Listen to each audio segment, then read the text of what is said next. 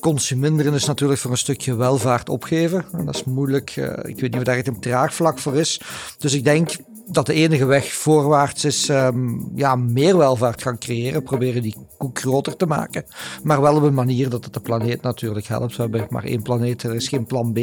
En ik blijf ook extreem optimistisch uh, dat we technologische oplossingen gaan vinden die ons vooruit gaan helpen. Dit is Stand van Zaken. Een podcast van BNP Paribas Fortis met chief economist Koen Deleus en chief strategy officer Philippe Gijsels. Elke maand staan Koen en Philippe stil bij een tijd die zelden nog stilstaat. Wat valt hen op en wat houdt hen bezig in onze wereld die niet stopt met veranderen?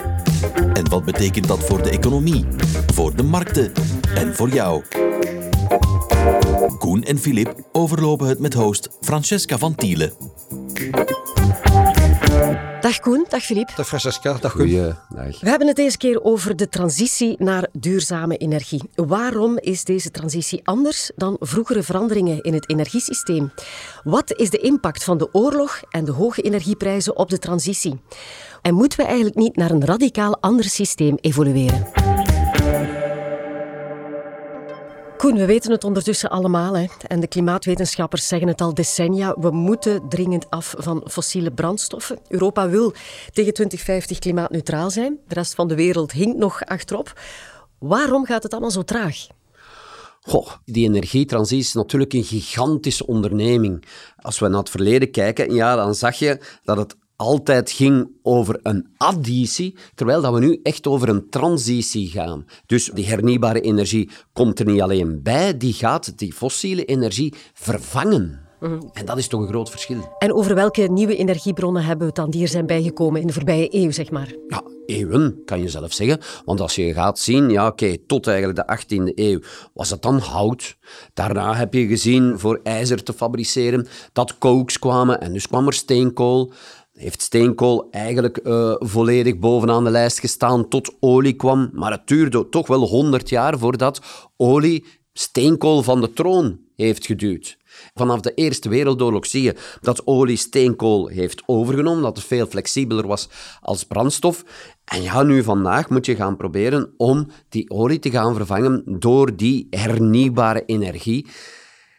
Maar als je ziet in het verleden dat voor die addities het al altijd 100 jaar duurde, om nu die transitie te maken, niet alleen additie van hernieuwbare energie, maar de rest gewoon grotendeels te schrappen waar mogelijk, ja, dan zie je dat die uitdaging toch wel gigantisch is. Ja, want nu moet het allemaal heel snel gaan. Hè? Die afhankelijkheid van fossiele brandstoffen moeten afbouwen.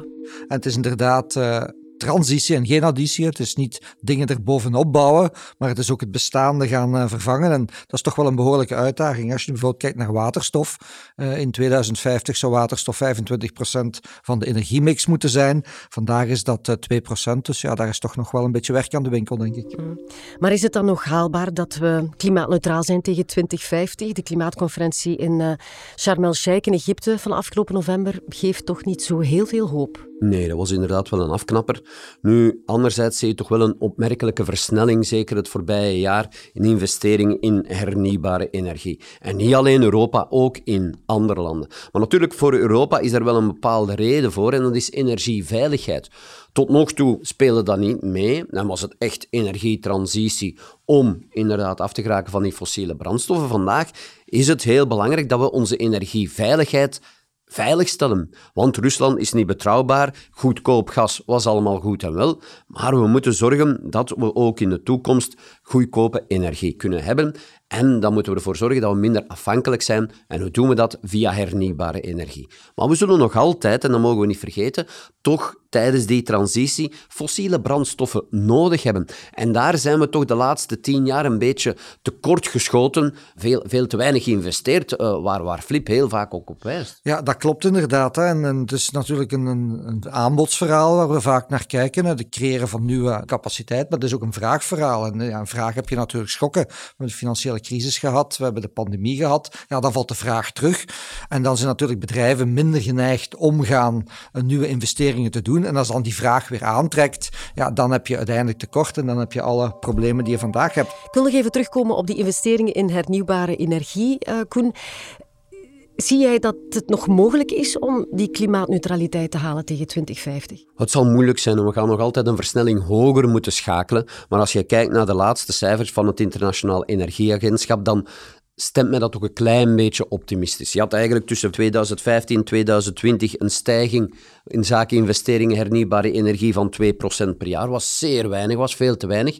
Maar dan in 2020, 2021 zie je jaarlijks 12%. En 22 dus als gevolg van die oorlog zie je dat het waarschijnlijk nog een stuk sneller gaat. En dat stemt mij toch wel redelijk positief. Anderzijds is het natuurlijk zo dat we de komende vijf jaar, eigenlijk tot 2030, onze energieinvesteringen gaan moeten verdubbelen ten opzichte van vandaag om ooit maar een kans te maken om in 2050 onze doelstelling te halen. Dus het gaat moeilijk worden, maar het is mogelijk. Ja, en hoe kijk jij daarnaar, Filip? Want ik hoor hier toch ook wel opportuniteiten. Ja, en dat is ook zo. Hè. Alternatieve energie zal een van de grootste investeringsthema's, opportuniteiten zijn voor de komende vele jaren. Het is het al vandaag.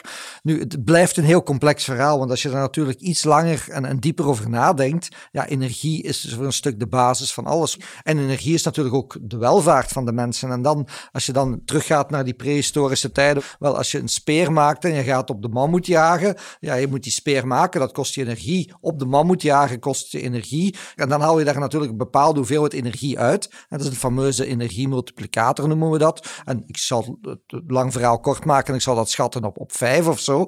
En dan natuurlijk zit je heel vele honderden, duizenden jaren op datzelfde niveau. En dan uh, ga je windmolens maken, maar dat kost je ook energie. Dus je gaat er niet echt uit tot aan die industriële revolutie, tot een slimme zegt, ah, laat ons eens kolen gaan opbranden, wat natuurlijk heel erg milieuvervuilend dus. En dan krijg je natuurlijk een energiemultiplicator van 15.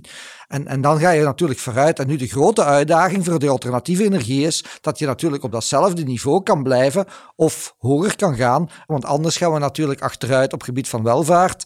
Uh, ja, en dat is natuurlijk dan maatschappelijk ook weer moeilijk. Dus we hebben daar een enorme uitdaging, een enorme opportuniteit, denk ik ook, om die multiplicator-effect uh, hoger te krijgen. Tenminste op hetzelfde niveau en liefst hoger. Ja, laten we het dan nog even hebben over de batterijen.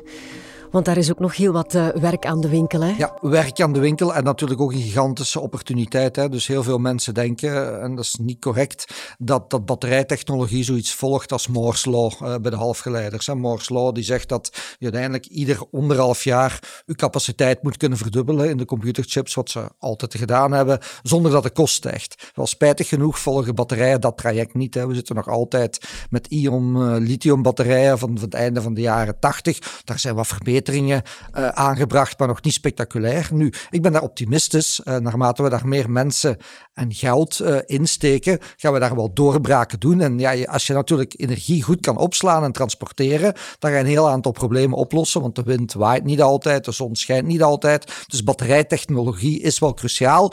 En ik zal zelfs meer zeggen, ik denk dat de nieuwe eh, Google of Microsoft of Apple wel eens een batterijtechnologiebedrijf zou kunnen zijn. Dus een bedrijf die dat op de markt kan brengen of kan creëren. Wel, dat is voor mij een gigantische opportuniteit om te investeren.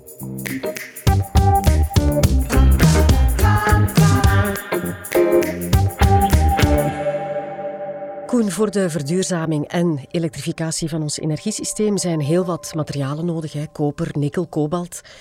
Dreigt dat geen nieuwe afhankelijkheden te creëren? Wel, je zou kunnen zeggen dat we gaan van big oil naar big shovel. Dus dat we eigenlijk komen van een zeer fossiel-intensieve economie naar een mineraal-intensieve economie. Dus dat is de transitie die we gaan doorgaan. En hoe zit het dan met onze afhankelijkheid? Als we gaan kijken naar die afhankelijkheid van olie, ja, dan zijn we daar inderdaad afhankelijk voor 40% van de VS van Rusland, van Saoedi-Arabië. Maar als je dan gaat kijken bijvoorbeeld naar koperreserves, dan zijn die toch ook zeer geconcentreerd. 38% wordt gemijnd in Peru en in Chili. En koper is heel belangrijk voor elektrificatie. Dan zit je dus met een probleem dat koper en de vraag naar koper gaat verdubbelen of meer dan gaat verdubbelen, terwijl dat het aanbod vandaag veel, veel te laag is. Dus tegen 2030 ga je dat aanbod van koper moeten verdubbelen om ooit die energietransitie mogelijk te maken. Ja, er is een race naar die grondstoffen. Hè. Dus Filip, hier speelt dan toch ook de concurrentie tussen de internationale grootmachten. Hè. De Verenigde Staten, China. Ja, dat klopt. Als iets zo belangrijk is als energie, ja, dan gaat daar internationale concurrentie ook wel spelen. En dan heb je het dan vooral over rivaliteit tussen landen zoals China en de Verenigde Staten, maar ook wel een afgeleide orde met Europa. Als je dan weet dat China voor 80% verantwoordelijk is van de markt van de zonnepanelen, 50% van de windturbines heeft, ja, en ook toch wel heel uh, aan de top staat op het gebied van elektrische wagens, ja, dan moet je dat toch wel in doorhouden. Hè. Als ze zoveel mogelijk doen, is positief, want het klimaat is van iedereen, dus dat helpt. Maar je moet dan toch ook wel die concurrentiepositie een beetje in doorhouden. Ja, en Amerika neemt nu al protectionistische maatregelen met die Inflation Reduction Act, een investering van honderden miljarden in groene energie. Ja, dat is inderdaad uh, het geval. En natuurlijk, je kan Biden dat ook niet verwijten. Wat hij wil is ja, die eigen industrie van hernieuwbare energie ervoor zorgen dat die in Amerika gaan produceren. Ervoor zorgen dat er goed betaalde jobs komen in Amerika. En natuurlijk, ja, zo'n 370 miljard aan subsidies, dat helpt. En dat helpt ook dat ze minder afhankelijk worden van China. En ik denk dat dat wellicht de rode draad gaat worden in de toekomst. Dat is dat ja, in plaats van dat de grootmarkten gaan samenwerken, dat ze gaan concurreren. En dan ga je natuurlijk veel meer extra investeringen hebben. Maar zoals uh, Flip vroeger al had gezegd, ja, als al die technologieën op één tafel zouden komen, zouden we veel sneller vooruit gaan. Mhm. En dat is vandaag niet gebeurd. Maar Koen, welke positie moet Europa dan innemen? Want we zitten letterlijk geklemd tussen China en de VS. Hè? Ja, we zijn te braaf. We zijn te braaf we zijn heel open, een heel open economie. België is natuurlijk nog meer gevoelig dan Europa, want wij hebben bijna de meest open economie van heel de wereld. En dus ja, eh, dan zie je toch dat er langzaamaan een beetje paniek komt in die cockpit. Hè. Zeker als je dan die Inflation Reduction Act hebt, als je daarboven dan nog die stijgende uh, energiekosten hebt, waarbij dat de gasprijs in uh, Europa tot zes keer duurder is dan de gasprijs ja, in Amerika. En het gevolg is dan dat natuurlijk heel wat Europese bedrijven gewoon naar de Verenigde Staten gaan. Ah, als we dat, daar die subsidie mannen uit de hemel eh, valt, als je ziet dat die, die gasprijzen zoveel uh, lager zijn.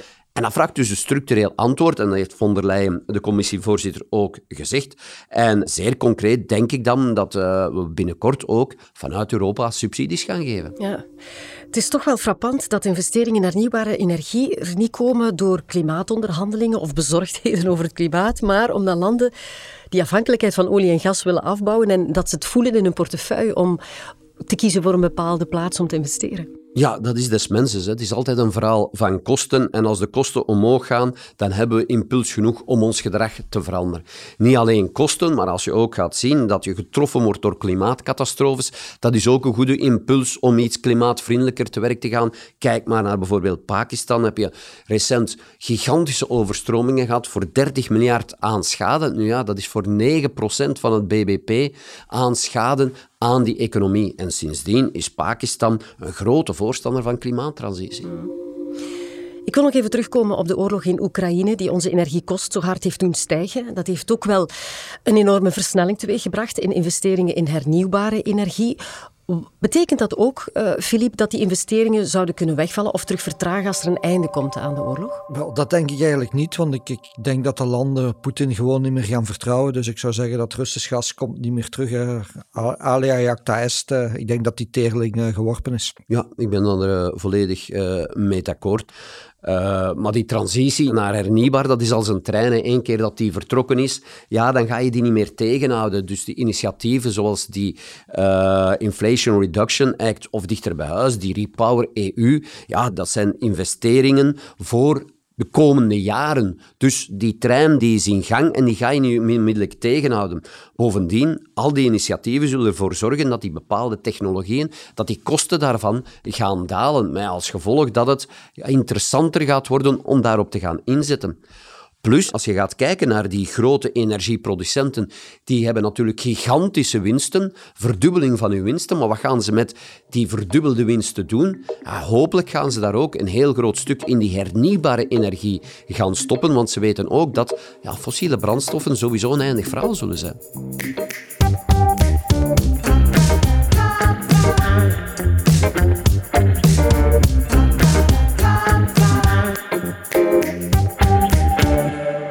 Hebben het tot nu toe vooral gehad over hernieuwbare energie en ook over hoe blijkbaar alleen hoge energieprijzen en helaas ook grote catastrofes de transitie kunnen versnellen. Maar Koen, is er ook niet een derde weg, hè, waarin dat mensen massaal kiezen voor consumeren, minder spullen kopen, kiezen voor meer kwaliteit? Wel, voor meer kwaliteit, daar ben ik natuurlijk voorstander van. Maar echt consuminderen, ik zou het liever consumanderen noemen. Want als je echt gaat consuminderen, dan haal je heel het systeem onderuit. Dan, dan verdwijnt ook de incentive om te gaan innoveren. Dan dreig je ook schuldproblemen te vergroten. Want ten opzichte van de schulden staat de groei van de economie die schulden houdbaar Bij groei staat er natuurlijk ook de financiering van de pensioenen tegenover. Dus ik zou liever naar consumanderen gaan. En dat wil zeggen dus op een andere manier gaan consumeren. Ook leren hergebruiken uh, van zaken. Dus we kunnen natuurlijk niet blijven leven en consumeren zoals we nu bezig zijn en alle grondstoffen volledig uitputten en zo heel die biodiversiteit ook volledig op zijn kop zetten. Dat is zeer duidelijk. Maar we moeten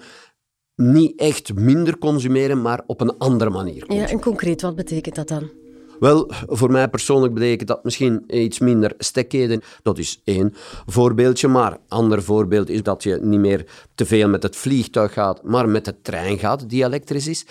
En nog belangrijker is dat we gaan inzetten op die circulaire economie, waarbij dat we gaan evolueren van een product naar een dienst. Je wil een bepaald product, je kan dat product leasen, je kan dat product delen en dan koop je geen wasmachine niet meer, maar koop je bijvoorbeeld een aantal wasbeurden. Of wanneer de machine is gebruikt, ja, dan wordt die ook automatisch opgehaald en wordt die gerecycleerd. En dat zal natuurlijk die fabrikant ertoe aanzetten om robuustere en betere recycleerbare apparaten te gaan ontwerpen. Zeker als ze zelf eigenaar blijven van die apparaten. En dan ben je toch al een heel stuk verder. Je moet daarmee opletten, want natuurlijk heel die infrastructuur moet opgezet worden. Ook heel die elektrificatie. We moeten eerst dat koper gaan ophalen om nadien dat koper te gaan hergebruiken. Dus we zitten er nog niet, maar we moeten die richting zeker uitgaan. Nou, we moeten inderdaad zien dat de kosten en de baten ergens in overeenstemming uh, kunnen blijven. Hè. We moeten ook, denk ik, waakzaam zijn dat de hele industrie in Europa niet verdwijnt. Nu, ik denk niet dat dat zal gebeuren, maar we moeten waakzaam zijn. Uh, consuminderen is natuurlijk voor een stukje welvaart opgeven. Dat is moeilijk. Uh, ik weet niet of daar echt een draagvlak voor is. Dus ik denk dat de enige weg voorwaarts is um, ja, meer welvaart gaan creëren. Proberen die koek groter te maken. Maar wel op een manier dat het de planeet natuurlijk helpt. We hebben maar één planeet, er is geen plan B. En ik blijf ook extreem optimistisch uh, dat we technologische oplossingen gaan vinden die ons vooruit gaan helpen. En wat dan ook nog eens mooie investeringsopportuniteiten zijn. En dat brengt innovatie en dat brengt productiviteit en dat brengt automatisch groei. Innovation is key.